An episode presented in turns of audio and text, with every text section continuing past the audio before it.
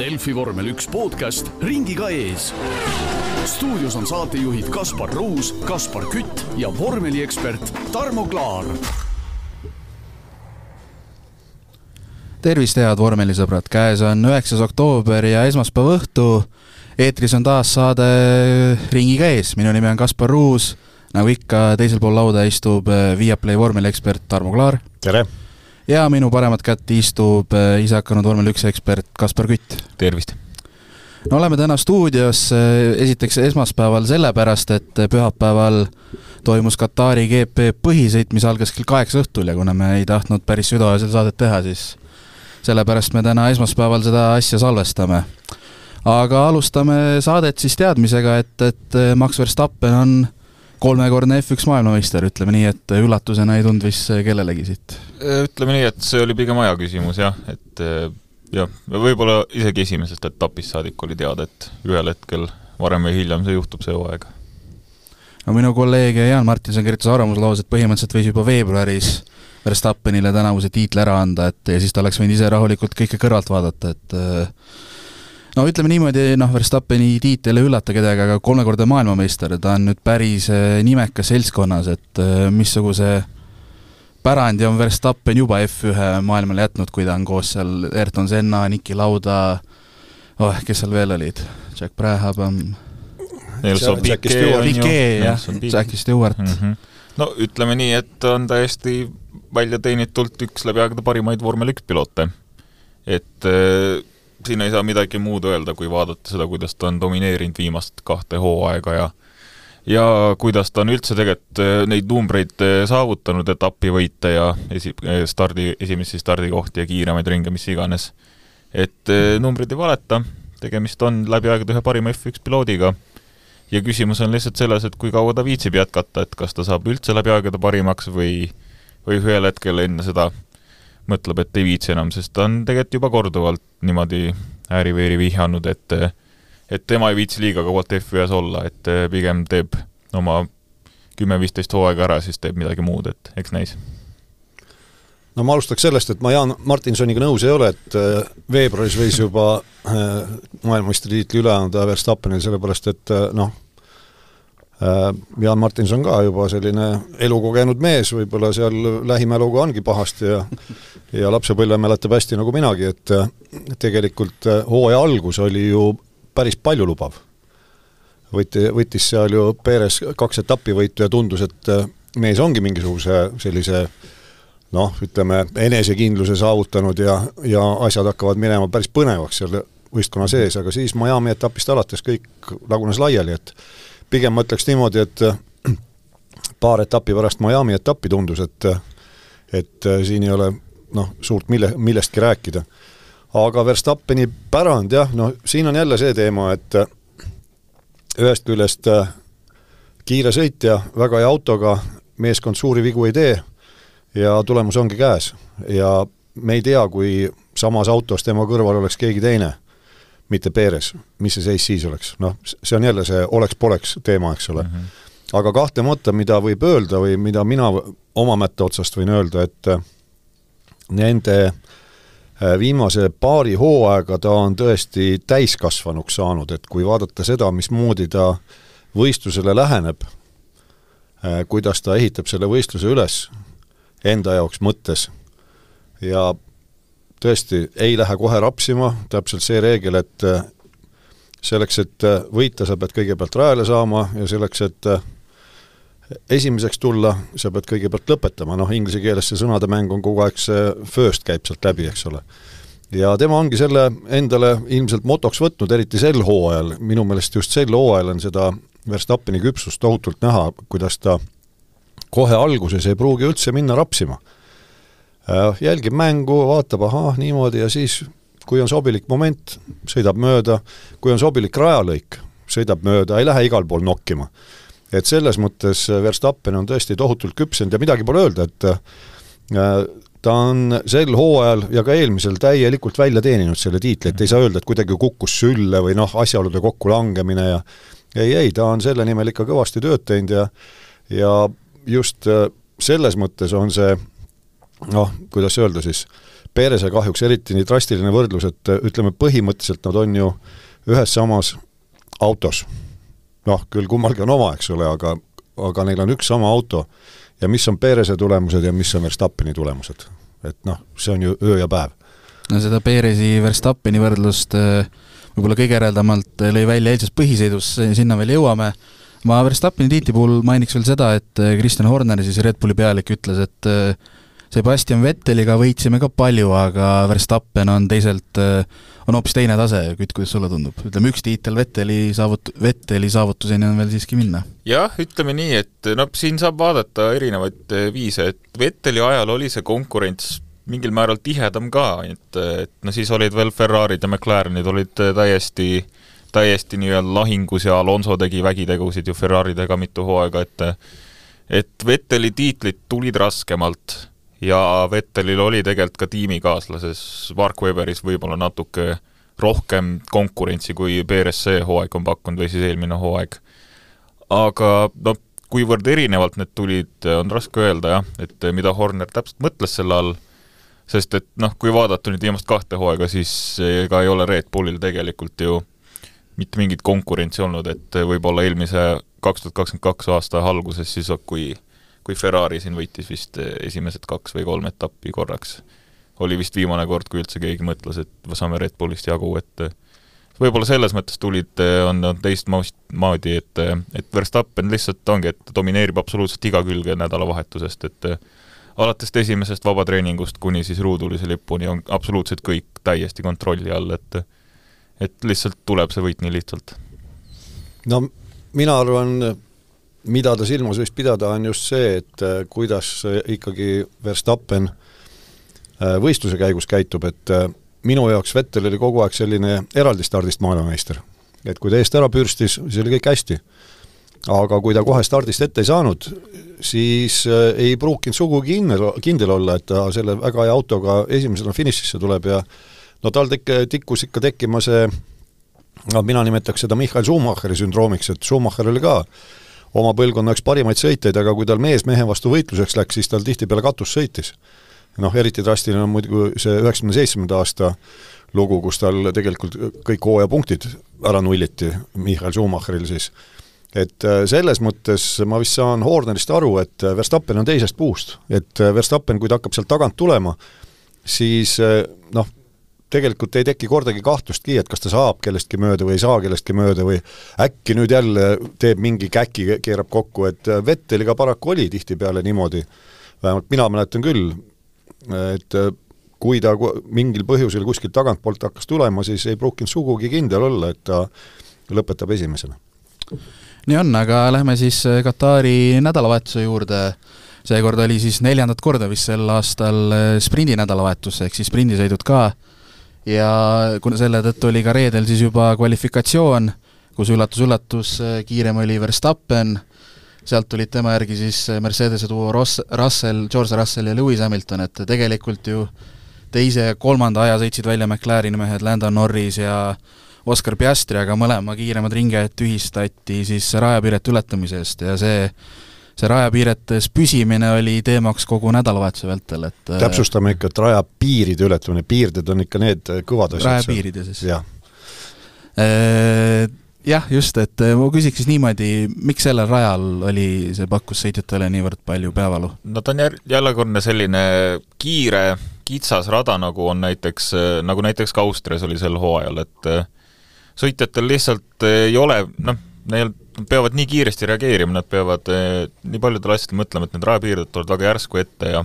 ja nad peavad kogu aeg mõtlema selle peale, siis see on lihtsalt selline Katari raja iseloom või isegi iseloomustus, et et on kitsas rada, rajapiirded on väga lähedal ja ja väga keeruline on tegelikult kogu aeg järge pidada, sest nagu, nagu me just rääkisime, ainult üks sõitja oli siis vist eh, praeguse võidusõidu jooksul, mis eile toimus, kes ei ületanud neid rajapiire kordagi ja see oli Max Verstappen, et kõik teised olid ühel või teisel hetkel hädas sellega. no mina sinuga nõus ei ole, et see on kitsas rada ja, ja et äh, sellepärast neil on raske äh,. tegelikult on küsimus ju selles, rada on piisavalt lai, aga kiirused on tõesti suured ja aetaksegi seda viimast taga, et aetakse juuksekarva lõhki.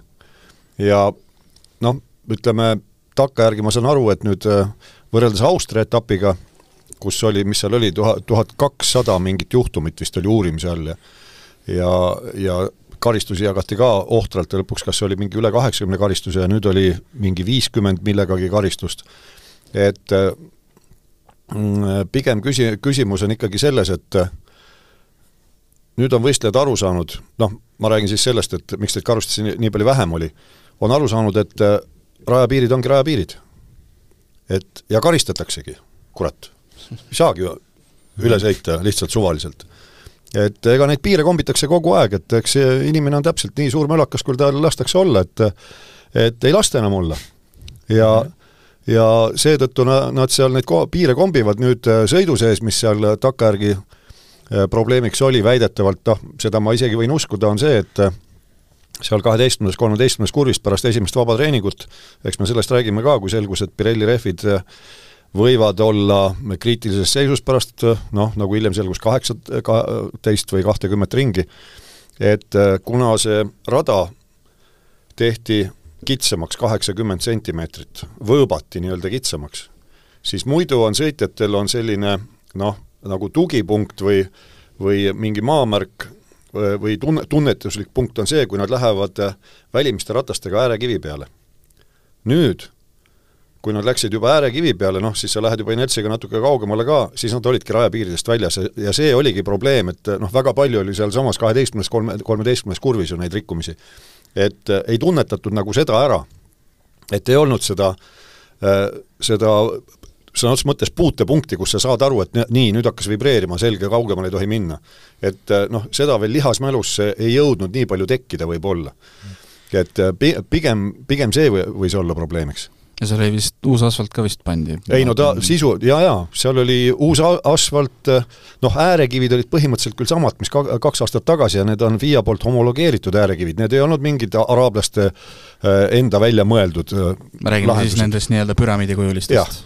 Et äh, need on varemgi kasutusel olnud, aga noh, jällegi, et kuna kiirused on nii suured ja noh, võib öelda, et aastaid seal ju varem samasuguste äärekivide peal sõitsid ju mootorrattad ka, et kuidas siis neil probleemi ei ole, aga mootorratta kurvikiirus on hoopis väiksem. vormel ühele on see meeletu, noh, see on võrreldav võib-olla ainult nende Le Mani hüpe, hüperautode kurvikiirusega kuigivõrd. et äh, seal ongi ju noh, hoopis teised koormused. No see kvalifikatsioon äh pakkus ka niisugused ägedad nii-öelda kvalifikatsioonijärgsed intervjuud, kus nagu öeldud, siis McLareni mehed olid algselt nii-öelda teine, kolmas, aga siis tuli kiirelt uudis, et Norrise aeg on tühistatud, tegelikult ta langetati kümnendaks tagasi, sest tal ei olnudki vist Q3-st mm -hmm, aega kirjas. ta ei suutnud, jah mm. -hmm. ja siis tuli äh, Oscar Piastri, läks nii-öelda intervjuud andma, esiteks küsiti talt, et kus Lando on, ja siis intervjuu lõpuks selgus, et tegelikult oleks pidanud Piastriga intervjuud andma, sest temal no, ka seal tühistati aeg ära vahepeal. kõigepealt Russell küsis, et oota, Lando on kadunud, kus Lando on? ja siis ja, äh, Na-, Naomi Schiff kü-, kü-, küsib selle Oskar Piastri käest, miks sina siin oled see oli päris koomiline, jah. ja lõpuks oli nii, et äh, noh, intervjuu käigus siis Lutikast äh, kõrvas tuli teade. Naomi Schiffile, et, et see vend ei ole ka kolmas, et ta on hoopis kuues ja ütles, noh, oli tore vestelda, aga sa oled nüüd kuues hoopis.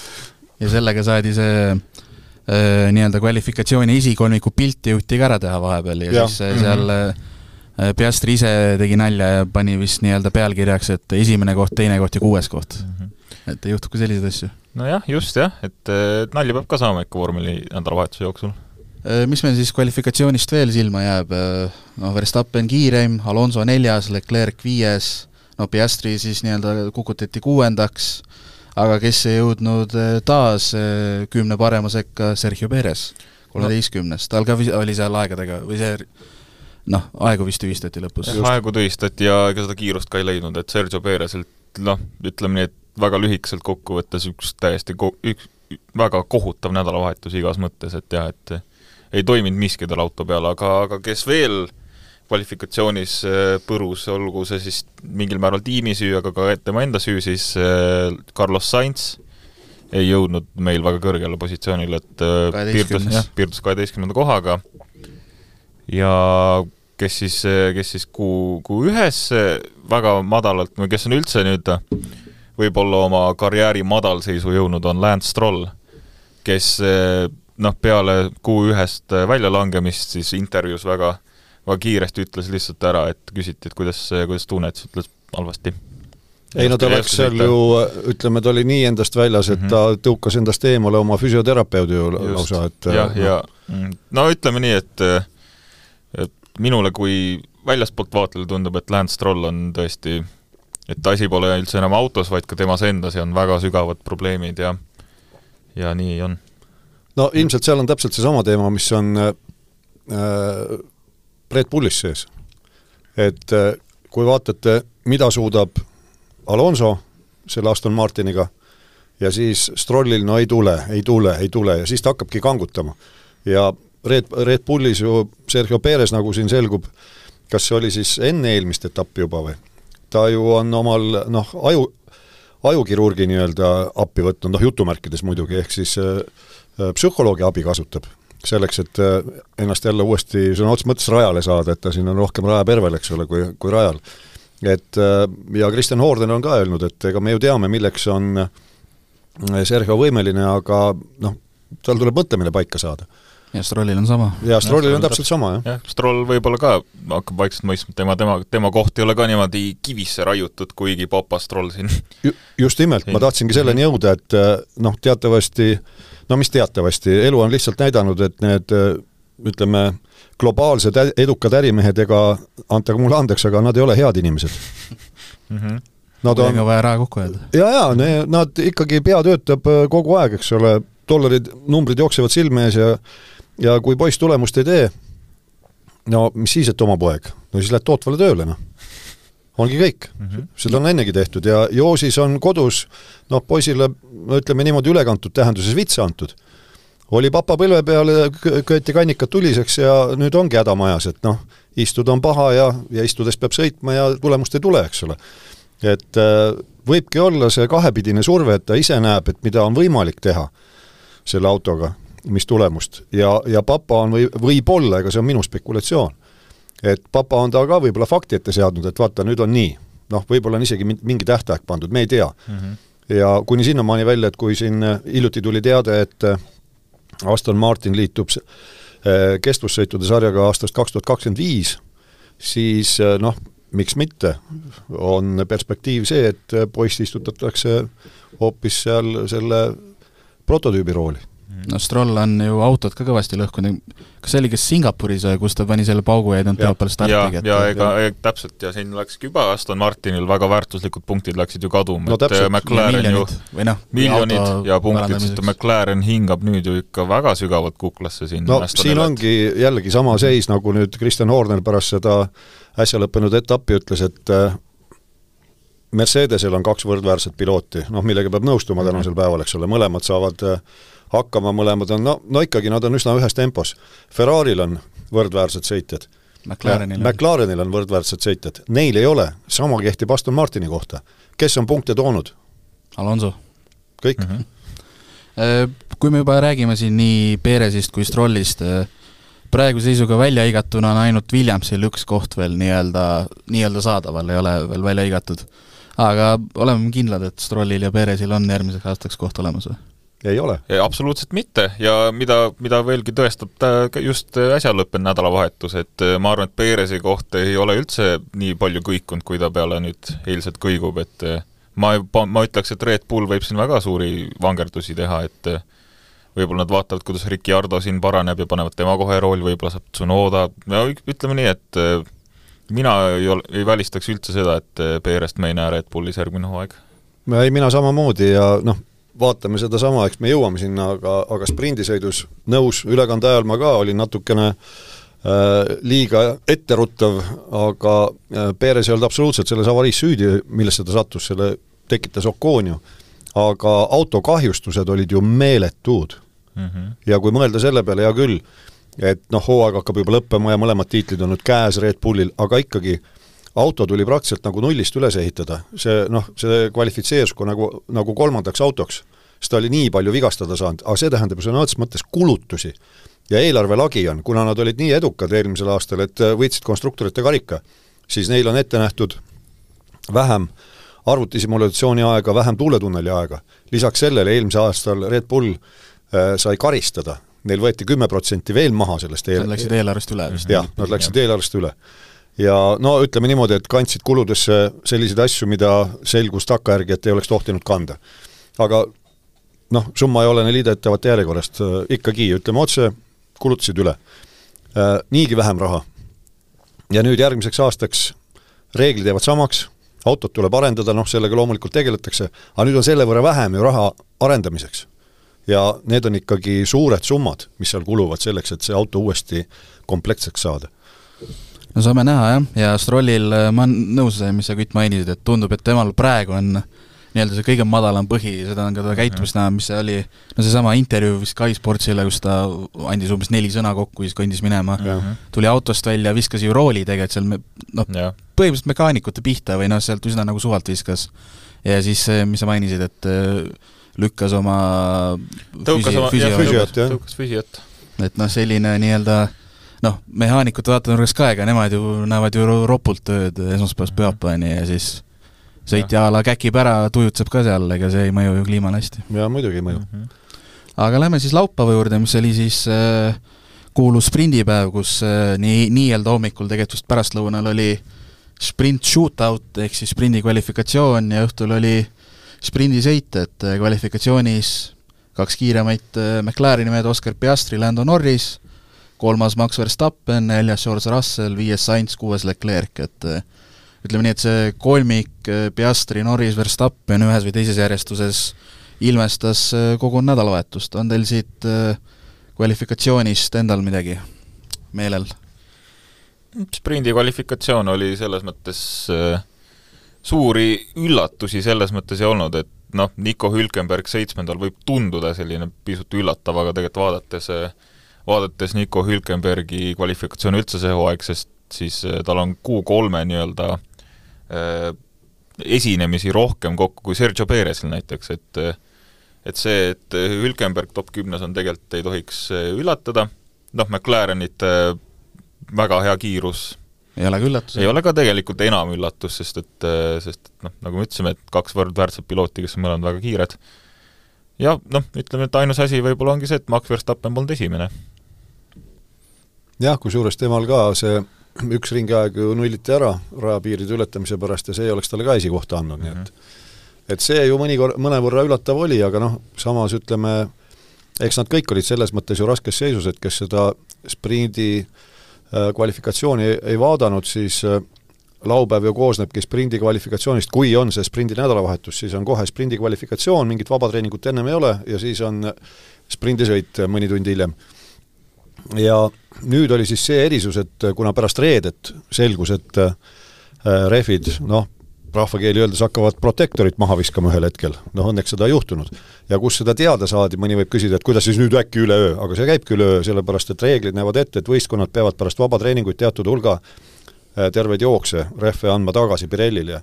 ja miks? sellepärast, et Pirelli lõikabki lahti need rehvid sõna otseses mõttes, analüüsib ja, ja mikroskoobi all muide leiti mm, -hmm elektronmikroskoobi all uurides leiti, et hakkab see protektori kiht eralduma äh, rehvi külgedest ja, ja, ja sellest äh, karkassist, nii et karkassis ei olnud probleemi, et ütleme, selles mõttes rehv kui selline vastu ei oleks pidanud. aga äh, sellest tulenevalt siis võõbati see rada kahes kurvis kitsamaks ja kaksteist ja kolmteist, jah ja kaksteist ja kolmteist ja kaheksateist sentime- või kaheksakümmend sentimeetrit ja eks see oli harjumatu mm. -hmm. ja te-, ja teisest küljest äh, ütleme niimoodi, et ega siis äh, veel kord äh, noh, hakka või Verstappeni fänniks, mida ma küll ei ole, pole kunagi olnud, aga mine sa hullu tea, tulevik on imeline võib-olla. et ma arvan, et ta läks üsna kindla peale. et mhm. tal oli vaja ju sellelt nädalavahetuselt põhimõtteliselt ainult kolme punkti saada selleks, et noh, nii-öelda vormistada ära oma maailmameistritiitel nii et ja teades lõppkokkuvõttes võistluses sees, kui hea ta auto on, siis äh, noh, rattade alt ära ta selle ei sõitnud äh, kvalifikatsioonis ja, ja sealt siis ka see äh, selline tulemus. ja sprindisõidus siis võitis Piastri, Verstappen sai teise koha, nagu öeldud, tal oleks vist piisanud ka kuuendast kohast, sellega saab kolm mm -hmm. punkti kätte, Lando Norris oli kolmas ja mis oli sprindisõitu võib-olla iseloomustas see, et sprindisõit oli, mis ta oli siis, üheksateist ringi, sellest umbes pooled sõideti just turvaauto taga mm. -hmm. Jah, et äh, kiireid ringe tuli kokku vist kaksteist. et äh, seal Liam Lawson sõitis nii-öelda omast veast välja, Logan Sargent sõitis omast veast välja ja siis see kokkupõrge, mis sa juba mainisid, kus vaene Nico Hülkenberg jäi Esteban Oconi ja Perezi vahele seal.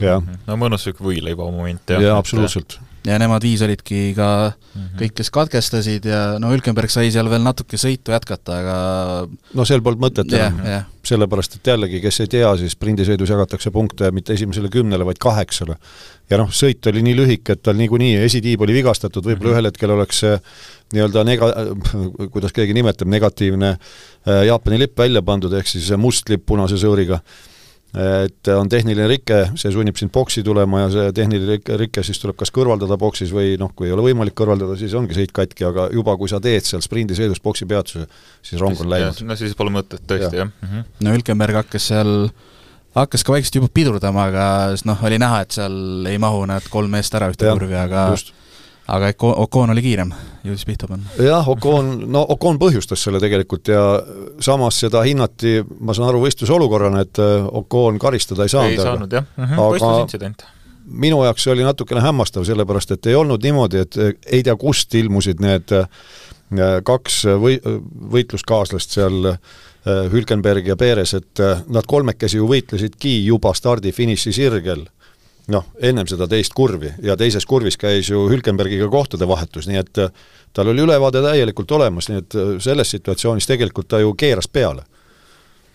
ja ma ei mäletagi, kes seal nende taga oli, aga äh, igastahes üks piloot oli natu-, napilt nende tagapool ja sai ilusti ühe kurviga kolm, kolm kohta võttis, jah, vot sprindisõidust Oskar Piastri sai oma esimese nii-öelda F1, kuidas ma ütlen, sõiduvõidu kätte. sõiduvõidu, jah ja.. aga noh, ongi niisugune veider, et etapivõitu ta ei ole, aga samas nii-öelda sõiduvõit on käes, et kuidas seda kuidas seda sprinti nagu, kui tähtis see siis on või no, ei ole? jah, see ongi see kurb asi, et nii väga tahaks öelda, et Oskar Piastri on nüüd ametlikult etapivõitja, aga, aga jah, kõigest, kõigest sprint, aga noh, ütleme nii, et jah, eks ta niisugune poolik on, niisugune imelik on, imelik on kokku võtta seda ka kuidagi. noh jah, et äh, no jälle, kõik on selle vaatemängu nimel, et äh, midagi toimuks publiku jaoks ka laupäeval, et sellepärast see sprint, sprindi formaat on välja mõeldud ja see on siis, äh, sprint on siis kolm korda lühem, kui on mm -hmm. võistlusdistants, et see on minimaalselt sada kilomeetrit ja noh, eks siis kalkuleeritakse, palju seal ringide järgi tuleb, et, et see sada täis saada, mitu ringi tuleb sõita et jah, veider natukene on, see on sama nagu Piastri sel hooajal, kui ta esimest korda poodi-, noh, esikolmikusse tuli, ei saa öelda poodiumile, ta ütles, et no mis etapil see oligi nüüd? eelmine sprindi nädalavahetus. jah, kas see oli Austrias äkki või? jah, ei, Spaas no, ta tuli teiseks, Belgias tuli äh, teiseks. Belgias, jah. aa, Belgias siis jah, et mm -hmm. Äh, siis ta oli ka nõutu ju, ütles, et mm -hmm. noh justkui nagu oleks, aga tegelikult jah, nagu ei jah, ole ju võit, on ju. et ei oskagi nagu olla kuidagi, et mm -hmm. nagu ei ole poodiume Mõn-, mõned punktid sain, šokolaadimedal ka, jah. aga see Äh, mis sa küsid, et äh, et äh, noh, kas tähtsust on või ei ole, no tähtsust on, sellepärast et punkte ju jagatakse. et selles mõttes ta ikkagi oluline sõit on. ja ta sai oma esimese siis nii-öelda sõiduvõidu kätte ikkagi enne kui Lando Norris, kes no, see, no, no ütleme nii, et teades Landot, siis see jääb ikka väga pikaks veel Landot kummitama ka ja seda oli ka pühapäevases sõidus üsnagi hästi tunda, kuidas see Lando, noh, ruttame siis korraks ette ka sõidu juurde, et Piastri ja Norris olid väga rahulikud seal teisel ja kolmandal positsioonil ja kui Norris hakkas vaikselt niimoodi lähenema, siis öeldi, et hoidke kohti, et toome selle topeltpoodiumi koju ja ja Norriselt kohe kõlas seda ka miks, ma olin palju kiirem temast no,. Mik, miks te teete seda mulle, on ju, aga noh. no võidusõitu värk, kõik tahavad võita. just, ei noh, jah. no aga... täpselt ja, ja kuna seal ei olnud ju noh, esikohast äh, polnud mõtet unistadagi, siis äh, nad olid teine-kolmas, aga mis seal vahet on, kumb on teine-kolmas? Külmutame olukorra, lihtne mm. -hmm et ei, et ei tekiks mingit liigset draamat, sellepärast et paratamatult see draama, ma usun, et oleks tekkinud mm. -hmm, kindlasti, jah. nojah, ütleme nii, et äh, Norris on vist siiamaani oma karjääris F1-s olnud äh, üsnagi kindel number üks, ütleme nii, et esimene hooaeg Saintsiga seni küll, jah. jah, et äh, noh, Saintsiga olles ta oli ka selline uustulnuk, et võib-olla seal nii suurt konkurentsi ei olnud, aga Ricciardot ta ikkagi suht kindlalt hävitas, aga nüüd ongi tulnud selline tõeline noh, komeet, et äh, üks parimaid uustulnukaid, keda üldse väga pikalt on olnud, võib isegi öelda, et kas või Hamiltonist äh, saadik ei ole sellist head uustulnukat olnud vormel ühes. vot selle viimase osaga ma olen nõus, aga vot selle komeediga ei taha nõus olla või ma loodan vähemalt, et ta komeet ei ole, et komeet korra sähvatab ja no läinud ta tõsi, on. ei nojah, loodame ikka, et ma nüüd hakkasin jälle tähte närima, anna andeks, aga aga ja. tegelikult sul on õigus mm, -hmm. tõesti, et, et pärast Hamiltoni ega ei mäleta küll sel-, sellist äh, nii, nii säravat tegelast, selle, sellepärast et noh, Verstappen nagu oli ka, aga mitte päris nii. no Verstappen ikkagist jah, niimoodi vaikselt tõusis seal Toro Rossos ja et tal ei olnud ka selliseid eh, poodiumimomente kohe esimesel hooajal, et eh, no kes on saanud poodiumi esimesel ajal, Kevin Magnussen sai muidugi. esimeses esimesel, esimesel sõidul kohe teise koha. kaks tuhat neliteist äkki. jah, just No aga see oli ka selline anomaalia pigem hooaja arvestades, aga noh jah, aga, aga jällegi, et va-, vaadates seda Piastri senist äh, elukäiku või tema seda äh, töist elulugu, siis äh, ta on ju mis see oli siis, kolm, kolmel hooajal järjest tuli erinevates vormeliklassides meistriks, noh see on kvaliteedimärk tegelikult, tõsi, Papa Magnussen põrmustas kõik Briti vormel kolmes, põrmustas kõik rekordid, mis vist siiamaani püsivad minu meelest. ja kui vormel ühte jõudis, siis noh, ütleme niimoodi, et ei läinud, ei läinud see õhupall visinal just tühjaks, aga aga sellist särja, sära ei olnud. ja kui ütleme, Norrise puhul veel ütleme, Sainzi ja Ricciardo kõrval oli tema see nii-öelda ju noor äss, kes ja, tuli ja te, tegi. jah, tema oli just see ja, nagu särav, nagu uus, uus hingamine, aga nüüd on talle omakorda tulnud no just, et see noor ja vihane nii-öelda, aga nüüd on tema kõrval veel noorem ja veel Ja, vihasem. ja- ega, ega Norris- Norris ise ju ka vana vend ei No ole. jumal hoia küll, ja, ja, täitsa ja, no, poisike olnud. ja Norris veel nagu see eriti kipeldab, et temal pole mingit etapivõitu, olgu see kas või see nii-öelda pooliku sõiduvõit või, aga temal pole sedagi öelda, et et ma usun, et see väga kripeldab. no ikka mm, -hmm. kahtlemata. Äh, ma sprindi puhul mainiks veel nii palju üle, et jah, Max Verstappen sai oma kolmanda MM-tiitli, mis ma selle puhul veel öelda tahtsin, et tema kõik tiitlid on tulnud niisuguse mingi veidra, veidrates oludes, et no kaks tuhat kakskümmend üks, seda hooaja lõppu mäletame kõik, kuidas seal Verst-, Hamiltoniga viimasel ringil eelmine aasta, mis seal oli, Jaapanis punkti arvestus. punkti arvestus. jah, seal oli see reeglite sõnastuse küsimus, et meiega olime kommentaatori puldis häm-, hämmingus, et mis mõttes nagu on ta meister. ja siis noh, kuna oli kirjas, et kui võistlus katkestada ja jätkata ei saa, siis saab pooled punktid mm. -hmm ja nüüd aga, jah. aga siis ju jätkati ja, ja aga noh, ei sõidetud ju seda seitsekümmend viit protsenti täis, aga see ei lugenud tollel hetkel. ja nüüd tuli laupäeval maailmameistriks mm. jah. ei ole siiamaani ühte traditsioonilist eh, tiitlitähistust siis põhimõtteliselt tulnud, jah. Äh. aga küllal tekib veel võimalus, ma usun. ja ma vaatasin viimati, kes laupäevasel päeval maailmameistriks tuli, oli Nelson Piquet, kes on teatavasti Verstappeni elukaaslase isa. No vot, siis on jah, ja kolmekordne maailmameister. ja ka kolm, ja ka samuti kolmekordne maailmameister. õhtusöögilauas on, on nii mõndagi arutada siis, jah. Äh, aga lähme siis pühapäevase sõidu juurde, õigemini sõidueelse juurde, siis tegelikult oli ju päev otsa õhus see, et mitu boksipeatust siis äh, kohustuslikuks äh, saab, otsus, FIA otsustas, et kolm, ehk siis ükski sõitja ei tohtinud ühegi rehvikomplektiga enam kui seitseteist, kaheksateist ringi sõita.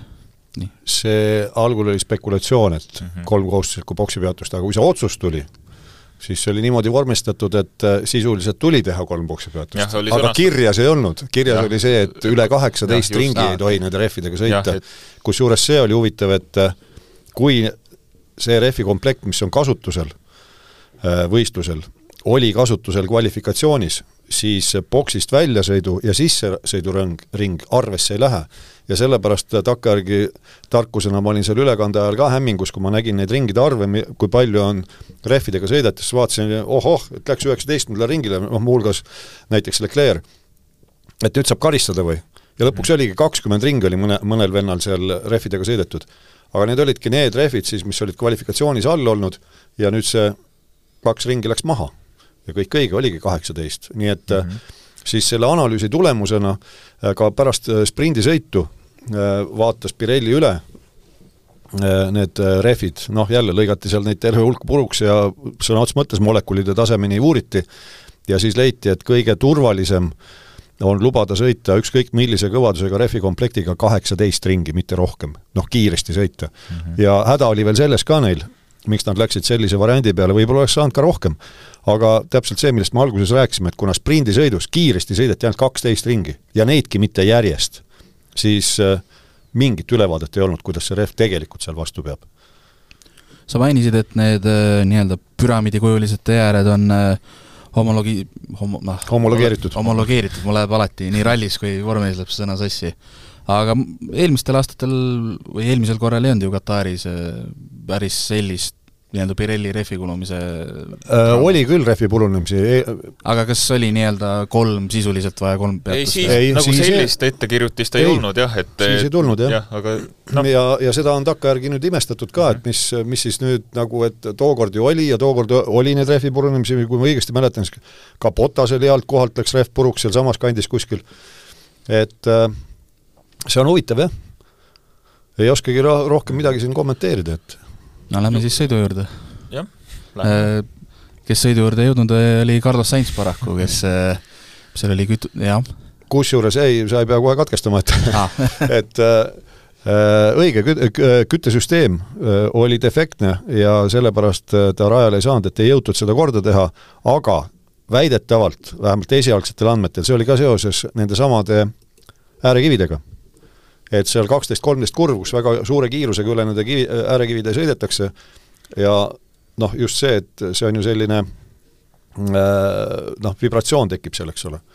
Ja väidetavalt sellest vibratsioonist tulenevalt tekkisid probleemid selle toitesüsteemiga, midagi seal purunes, ja väidetavalt sellest tulenevalt ka äh, Leclerc'ile anti siis korraldus ennem sõitu maksimaalselt vältida seal kurvides äärekivisid ja seetõttu oli ka tema tulemus selline, nagu ta oli, et -hmm. noh, ta läks nii-öelda kindla peale punkte tooma sõidust ja püüdis igati vältida neid äärekivisid. ja kes boksi teelt alustas, oli siis äh, vaene Sergio Perez, kellel laupäeval, nagu mainitud, sprindis äh, masin sai kõvasti kannatada ja tal äh, seal oli tiim, tiim vist sel hetkel, kui nii-öelda parkfermi reeglid kehtisid, olid vist veel tööd teinud autoga. aga stardist noh, esimeses kurvis kohe Mercedese mehed Russell ja Hamilton põrkasid kokku ja ma panin eelmise saate pealkirjaks, et miks Mercedese mehed kemplevad omavahel, mitte konkurentidega ja nüüd see sai nii-öelda ootamatult ilusa jätku. või noh, nii-öelda ilusa jätku. selles no. mõttes see oli jah, päris, päris pull oli vaadata ja kuidas Mercedese mehed ikka ei suuda nagu kõrval või nagu eemale hoida üksteisest, et tuli meelde kohe kaks tuhat kuusteist Hispaania GP legendaarne, kus siis Hamilton ja ja Rosberg kokku põrkasid, et et jaa, no selles mõttes see oli jah, ega siin väga midagi kommenteerida või nagu argu-, argumenteerida ei ole, et Lewis sõitis Russellile lihtsalt natuke liiga lähedale, Russell ei löönud omakorda kuhugi nagu tagasi minna, sest et ta oli ka omakorda Verstappeni kõrval, et Russell oli selline võileiva, võileiva maitsev siseosa selles mõttes, et Hamilton selles mõttes väga aumehena ja et ta võttis tegelikult kohe süü omaks, kui ta oli juba korduse ära ei, vot, vot, vot. jah, et jah, kui ta oli korduse ära näinud, vot just nimelt, siis kui oli korduse ära näinud, aga raadiosidet ju meile lasti. kohe ju tuli see küll väga selline nördinud hääl, et ei olnud üliemotsionaalne, aga et täitsa uskumatu võistkonnakaaslane sõitis mu välja, oota, mis mõttes? jälle oli minu arust see sõna ka veel. ja jälle. no eks see on jah see, et emotsioonid kohe, spordimehe emotsioonid käisid üle ja ei, ei jõudnud veel nagu nagu nii-öelda nagu rahulikult reageerida olukorrale ja üle vaadata, et aga no jällegi, et äh, kõigepealt oli ju ütleme, tal mõninga, mõningas mõttes oli see negatiivne emotsioon üleval juba ju mis see oli siis rehvisoojendusringi ajal, kui lasti raadiosidet, ta ütles, et mehed, te panite mu panite mind istu-, meil selleks jah istuv sihtmärk. istuvaks sihtmärgiks, jah. ingliskeelne väljend. jah, sitting duck, et äh, istuv part siis otsetõlkes, aga, aga jah, et olen istuv sihtmärk. et oot-oot-oot, sul on värske pehme rehvikomplekt. Ma usun, et need taktikad olid läbi arutatud, reeglina ei tehta midagi sellist, eriti kui starti valitakse rehvikomplekti niimoodi, et sõitja ei tea, et äkki ups, vaatad, et hoopis pehmed on pandud. või polegi midagi all või naestrehvid on all või ma ei tea.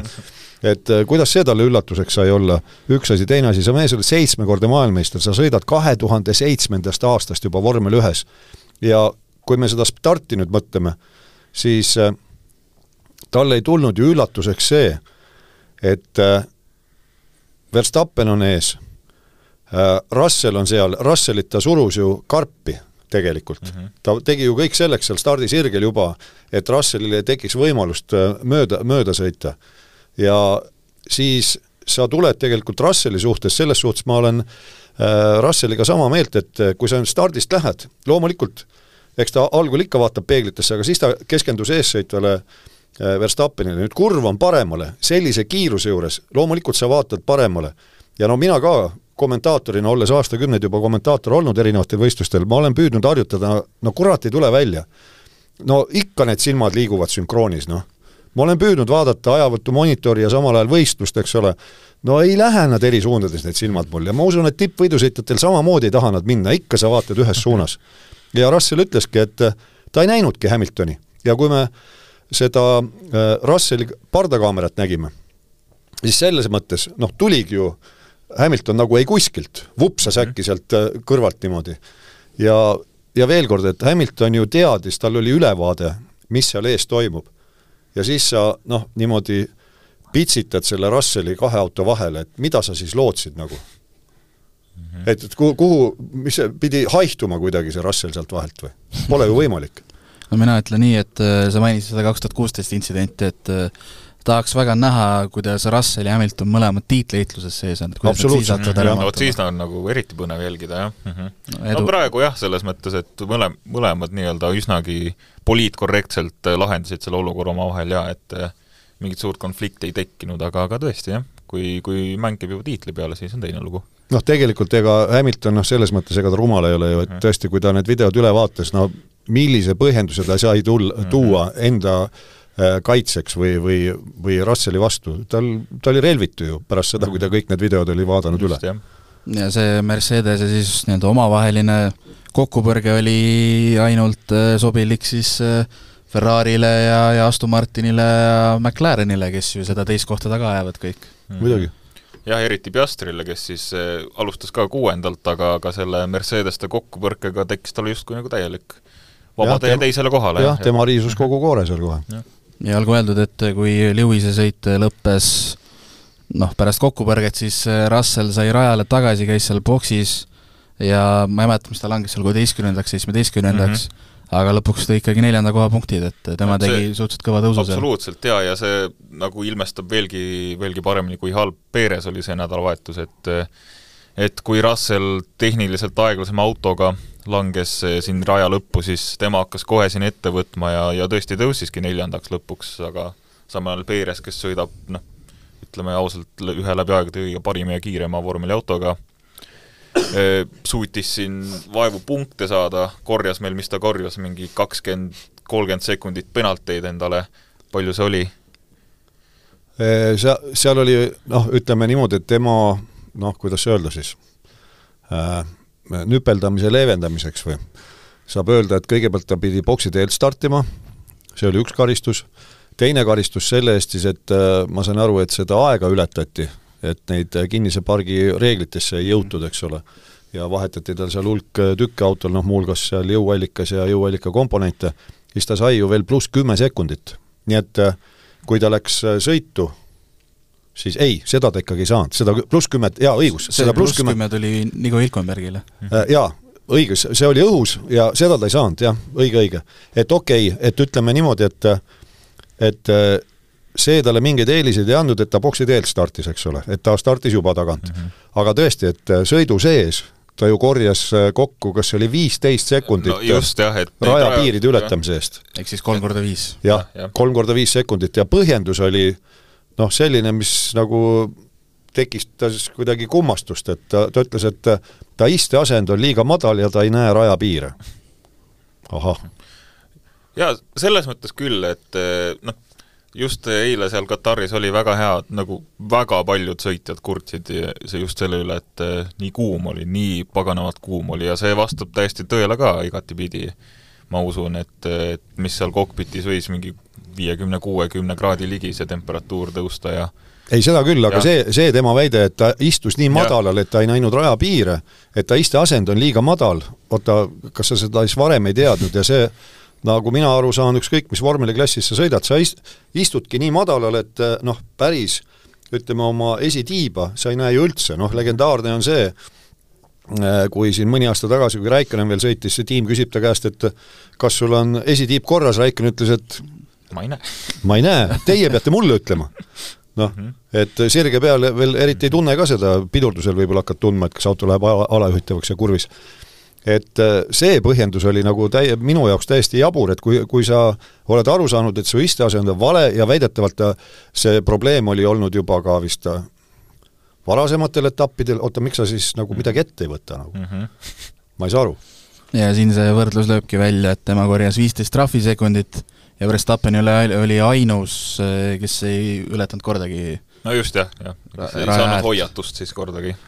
et jah, Verstappen, noh tema sõidust ei ole liialt palju rääkida, kindel võit käes mm, -hmm. korraks oli teine, kui seal Alexander Albon veel juhtis, äh, ma võtaks, räägikski sõidust äh, sellest nii-öelda kuumusest, ma räägiks natuke hiljem veel mm, -hmm. aga see, et kuna seal kõik pidid sisuliselt siis nii-öelda kolm korda boksis käima, siis tegelikult kui jätame esikoha välja, jõle raske oli aru saada, kes seal kus kohale tegelikult lõpuks lõpetada võis. seal oli jah see, et iga, või noh, väga paljud olid erinevatel strateegiatel, et kes käis vist peale kolmandat, neljandat ringi boksis jah, siis kui turvaauto esimest korda rajale tuli, jah. vist olid eh, mõlemad Alfa Romeod olid eh, nende seas, et ja. Eh, siis tekkiski niisugune kurioosne olukord, kus noh, Verstappen juhib niikuinii, sellest ei ole küsimustki, aga ongi, äkitse on Bottas teine või Albon oli kolmas, kolmas, show neljas, noh, väga keeruline oli aru saada, no, mis see nii-öelda nagu netopositsioon on, et kes ja, on tegelikult mis positsioonil? no see meenutas mulle juba Indikaari, et mm -hmm. Indikaaris on ka niimoodi, et sõidu sees tihtipeale on need äh, kohad nii-öelda täiesti pea peal ja siis äh, sõidus kui sõidu lõpus, siis vaatad, et oot-oot-oot, et mis, mis see nüüd siis on. Mhm. et midagi sellist oli selle sõidu sees ka, aga mis mulle meeldis jälle, ja mina kui selline patoloogiline DRS-i vaenlane äh,, ma tahaks seda statistikat näha, kui palju möödasõite tehti äh, väljaspool stardifiniši sirget mm. -hmm. Neid tehti palju. ehk siis igal pool mujal peale, peale DRS-i ala? seal oli ainult üks DRS-i ala mm. -hmm. ja huvitav küll, sai mööda sõita, kusjuures rada oli ju liivane, see oli ju pöörane, mis seal toimus, eriti ilmekalt oli see näha muidugi noh, kõik ei vaata vabatreeninguid, aga see üks ja ainus vabatreening seal, ja siis, kui finišilipp oli langenud, kui Lando Norris sõitis oma poksimeeskonna juurest läbi, siis neil vaesekestel oli vist, ma ei tea, nahaalune oli ka liiva täis. siis ta läks ideaaltrajektoori kõrvale ja seal oli selline liivatorm, et äh, midagi kohutavat, mis tähendab seda, et noh, rada on ju libe ideaaltrajektoori kõrvalt ja noh, eriti halb oli see sellepärast veel, et äh, kui tavaliselt vormel üks nädalavahetustel on neid toetavaid sarju mitu, on seal Porsche Supercup, on vormel kolm, vormel kaks, noh, kui vormel kolm ei ole, siis on võib-olla mingisugune kohalik klass, siis nüüd Kataris ei olnud mitte ühtegi teist võistlust, mitte ühtegi. keegi ei puhastanud seda rada, selles mõttes, noh, autodega. ja sai küll mööda sõita huvitav küll ja Alfa Romeo siis, olgu öeldud, tõid ju nii-öelda topeltpunktid, mõlemad mm -hmm. mehed olid esikümnes. absoluutselt jaa, et nendele on see väga hädavajalik tulemus ja isegi üllatav selles mõttes, aga noh, Alfa Romeo pani strateegia täppi mõlema, mõlema tiim, mõlema tiimi osa, Bottase ja Show jaoks siis. et jah, Bottas kaheksas, Show üheksas, aga räägiks nendest tingimustest siis äh, Logan Sargent ei jõudnud sõitu lõpuni, oli nii kehv olla, tuli boksi ära mm. -hmm. Esteban Ocon, mis ta nüüd oksendas, oksendas viisteist kuskil viieteistkümnendal ringil jah, oksendas, jah. mitmed ja. sõitjad olid äh, hädas pärast üldse vormelist välja saamisega. Lance Stroll, Albon põhimõtteliselt jah, ei saanudki autost välja, võib nii öelda, et äh, kohe pidi, jah, et kohe pidi Stroll põhimõtteliselt hüppas autost või noh, hüppas, komistas autost välja otse kiirabisse, et, et see oli ikka väga rets selles mõttes. ma nägin mis seda klippi jah, seal Stroll põhimõtteliselt koperdas kiirabi auto juurde. just jah, et see, mis pärast siis sõitu hakkas toimuma, see oli juba noh, panigi kohe mõtlema, et äh, täiesti ebainimlikud tingimused selles mõttes võidu sõitmiseks. jah, ja kui noh, mõni kes vaatas, mõtleb, et mis mõttes nagu, et öösel sõitsid, päike ei paistnud, eks ole, ja mis saab ikka mm -hmm. olla, aga tegelikult oli seal ju pluss kolmkümmend üks kuskil mm, -hmm. oli see õhutemperatuur ja tuult ka väga ei olnud ja seal aeg-ajalt sõidu ajal näitas noh, rooli tagant sealt, ütleme, armatuurlaualt sõidu, sõitja poole suunatud kaamerast, siis oli näha, Russell seal lükkas lahti kiivrivisiiri, Lando Norris lükkas lahti ja ütlesid, et noh, tuli küll kuum õhk, aga see on parem, kui üldse õhku ei ole. Ja siis üks hetk oli ju see, kui noh, mõni arvas, et äh, lihtsalt äh, Russellil oli igav ja siis ta Tõstis pani, pani mm -hmm. käed seal randmed ainult oli, olid rooli peal, tegelikult ta jahutas jah, tahtis natuke õhku, natukenegi õhku vahele saada. ja raadiosidest ju kuulsime, kui Alonso palus, et talle visatakse vett, eks ole, sinna tagumik, tagumik põhimõtteliselt põleb jah, aga noh, ei saa seda teha, sellepärast seal on elektroonikat nii palju, see vesi võib sattuda kuhugi, eks ole, seda pole lubatud teha et äh, ei ole nii nagu maratonijooksjatel, et saad kapaga vett pähe. et tingimused olid väga rasked ja sõitjad ise ütlesid ka, et mille, muuhulgas millest see tingitud oli, oligi tingitud sellest, et olid need kolm kohustuslikku noh, mis kujunesid kolmeks kohustuslikuks mm, -hmm. aga kuna see rehvi eluiga oli hinnatud nii lühikeseks, siis lihtsalt tuli teha see kolm boksi peatust ja noh, mis vaatajatele kindlasti oli meeldiv ja mille pärast ka nii palju möödasõite nägime, et kõik need boksipeatuste vahelised lõigud olid äh, nagu kvalifikatsiooniringid, seda ütlesid ju kõik sõitjad. just jah, et ei olnud nagu hetke rehvide säästmiseks nii-öelda. no ja, ja enda, ja, ja, ja ise puhkuseks. kogu aeg pidid nii-öelda kõige kiiremaid ringi järjest sõitma ja ja, et... ja see, ja see rada on kiire mm, -hmm. ta, ta on hästi kiirete kurvidega ja no kes on võidusõiduväline inimene ja ei ole kunagi isegi proovinud hobikaardiga noh, kiiresti sõita, äh, siis see ei saagi sellest aru, et äh, millised koormused tegelikult mõjuvad mm. -hmm. et minge proovige ükskord kuskil noh, tõsisel hobikaardi rajal kiiresti sõita see mõni ring, mis teil seal antud on, kümme minutit, noh, te olete läbi nagu, nagu Läti rahad, et äh, ja mõelge siis selle peale, et need kodanikud seal sõitsid, äh, mis see oli siis, viiskümmend seitse ringi. Mhm. viiskümmend seitse oli eile, jah. viiskümmend seitse ringi ja koormused on kordades suuremad. nojah, ütleme nii, et äh, Carlos Sainz ja Lewis Hamilton võib-olla olid küll kõige rohkem pettunud peale eilset sõitu, aga ma arvan, et täna nad on ainsad, kes ennast nagu inimese moodi tunnevad et ja. ma arvan, et see nii-öelda veepuudus ja, ja kõik füüsiline koormus, see mõjub veel päris pikalt vormelisõitjatele. kusjuures ma esimese hooga täna hommikul äh, lugesin uudist, siis vaatasin, et joh, et mis nüüd siis, et oli äh, südameataki eelne seisund või sellel äh, Sargentil, aga noh, lugesin natukene valesti, et oli heat stroke, mitte heart stroke mm, -hmm. et et oligi kuumarabandus. ja tema aidatigi ju välja sealt vormist no,. ja ta katkestas ka, ta ei suutnud ja, enam ja. lihtsalt ja, ja Stroll oli ju ka see, kes ütles, et muuhulgas tema ne, need rajapiiride ületused olid tingitud sellest, et ta oli vahepeal minestamise ääre peal. just, et ta põhimõtteliselt nagu ei näinudki. silmade ees virvendas, jah. virvendas põhimõtteliselt nagu pimedalt sõitis neid kurve aeg-ajalt, et täiesti, täiesti ebainimlik selles mõttes. ja just see kaksteist, kolmteist kurv mm, -hmm. kus kõige rohkem neid mm -hmm. rajapiiride üle, ületamisi oli. ja ega tihti ei näe ju, kui see nii-öelda noh, mis ta on, cool down room, kus siis esi, esikolmik saab nii-öelda juua ja ja, ja tipphetki vaadata, noh, seal ju Piastri ja Verstappen olid ju pikali maas seal. jah, põhimõtteliselt küll, et Lando oli nagu selline kõbusam tegelane seal, noh, ma ei tea, geneetika mängib rolli, aga nad on ju kõik tippsportlased tegelikult, see on ju meeletu füüsiline ettevalmistus ja, ja väga läbimõeldud ja toitumine ja kõik, et ega nad ei ole lihtsalt niisama tegelased seal, mingid kõhukasvatajad, kellele meeldib rooli keerata ja aga noh, järgmine aasta peaks olema seis parem, nad sõidavad Katari GP-d esimesel detsembril aastal kaks tuhat kakskümmend neli. no loodetavasti siis on natuke mõni, jahedam, jah? mõni kraad kas või on juba kasuks, jah, aga aga jah, ütleme nii, et see on mõttekoht jälle siin, et kas saab kuidagi sõitjaid aidata selles olukorras, kui ikka tõesti läheb liiga ebainimlikuks see kuumus no Katari GP nii-öelda võitjad on ära räägitud, Verstappen, Piastri teine, Norris kolmas, Russell neljas, Leclerc tõi siis viiendana auto koju, et ta tooks need punktid ja, ära. Ferrari'l see lihtsalt niisugune kahjude limiteerimise nädalavahetus ja et aga räägiks veel selle ära, et me enne korraks mainisime, et Nico Hülkenberg sai üsna alguses kümme sekundit trahvi ja siis põhjus oli selles, et äh, kuna sealt Sainz vist vahelt ära kadus, siis ta läks ja startis äh, valelt ruudult. jah, startis Sainzi, Sainzi stardikohalt siis, jah. jah, et mm -hmm. aga noh, häda oli veel selles, et mitte noh, siis oli juba kahju tehtud, aga aga ta, nii kui ta selle koha oli sisse võtnud, siis pärast ta ütles, et ta sai kohe, siis sai kohe aru, aga teha polnud enam midagi mm. -hmm, mm -hmm. no juhtub. täpselt. Katari GP-st on teil midagi veel mõttes?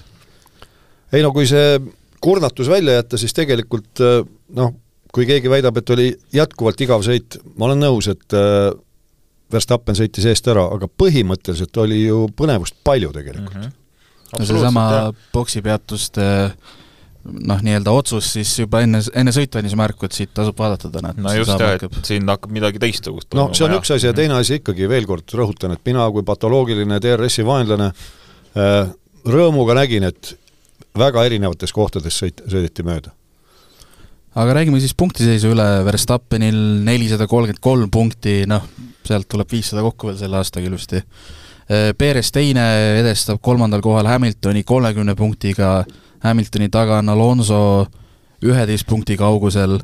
Ja sealt tuleb tagant veel Sainz, Leclerc, Norris äh, üsna, üsna sarnaste punktisummadega, et ütleme, viis etappi on jäänud, nüüd järgmine on kahe nädala pärast USA-s Texases siis, et äh, noh, tiitlid on antud, aga on ju veel, mida vaadata. absoluutselt jaa, no siin hakkabki see võistlus, et ma ei tea, kuidas siin konstruktorites on, et et äh, Mercedesel e-, ega tegelikult ei ole ka mingit puhvrit selles mõttes, et jah, Mercedesel kolmsada kakskümmend kuus punkti, Ferrari'l kakssada üheksakümmend kuus, aga jah, kõige põnevam lahing on kindlasti see, et mis McLaren teeb, et nad on ilmselgelt praegu teine kõige parem meeskond Red Bulli järel, võib isegi öelda, et Verstappeni järel, et Perez on siin noh, on kus ta on.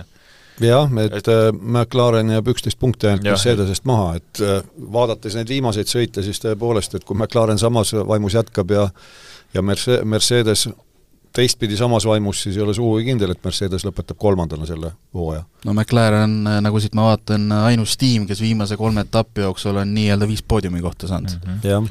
no see väga võimalik, noh, ma väga loodan, et juhtubki nüüd see, et kas siis Piastri või Norris teenivad ka päris etapivõidu, et see nii-öelda vormikõver on justkui nagu nende kasuks küll, et et küsimus on lihtsalt selles, et kas keegi üldse saab veel Verstappenist jagu, et eh, kui kui auto välja veab, mida ta on teinud siiamaani see hooaeg, kui Red Bull kõik ette valmistab hästi, siis ma panin, ma ajasin natuke jama ikka, tähendab mm. McLareni ja Aston Martini vahe on see üksteist punkti, et, et see, selles mõttes ei ole sugugi kindel, et Aston Martin lõpetab neljandana.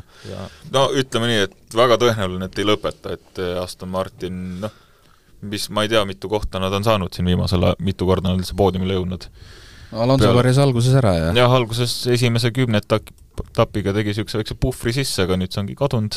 ja no Stroll, Stroll ei saa ju põhimõtteliselt midagi praegu, et et jah, mina isegi ei välistaks, et McLaren võib siin isegi, võib olla hea õnne kohal teist või kolmandat kohta veel vaikselt püüdma minna. kui nad siin jätkuvalt neid topeltpoodiumit korjavad, siis miks ka mitte Nende, nende jaoks oli perfektne nädalavahetus, et Mercedesel lõpetas üks vend, Ferrari lõpetas üks vend mm, -hmm. neil lõpetas kaks ja veel mõlemad lõpetasid teistest eespool. no just jah, no väga realistlik, et selliseid asju tuleb veelgi. noh, ja vaadates seda, mismoodi Stroll sõidab, eks ole, ainsana toob punkte heal juhul Alonso, sellepärast et ma olen aru saanud, et autot on nüüd varendat-, arendatud tegelikult vales suunas, et auto on noh, väga selline äh, kuidas nad nimetavad inglise keeles pointy, ehk siis noh, ta on väga esiotsa, esiotsa peal, ta on äh, hästi üle, ütleme niimoodi, et ülejuhitav ja see ei meeldi tegelikult Alonsole, aga Alonso on kohanenud sellega paremini mm -hmm. ja, ja siit tuleb ka võib-olla see, miks Alonso tulemused on alla läinud ja, ja Strolli tulemused veel rohkem alla läinud. et seda are-, autot on millegipärast arendatud nüüd vales suunas.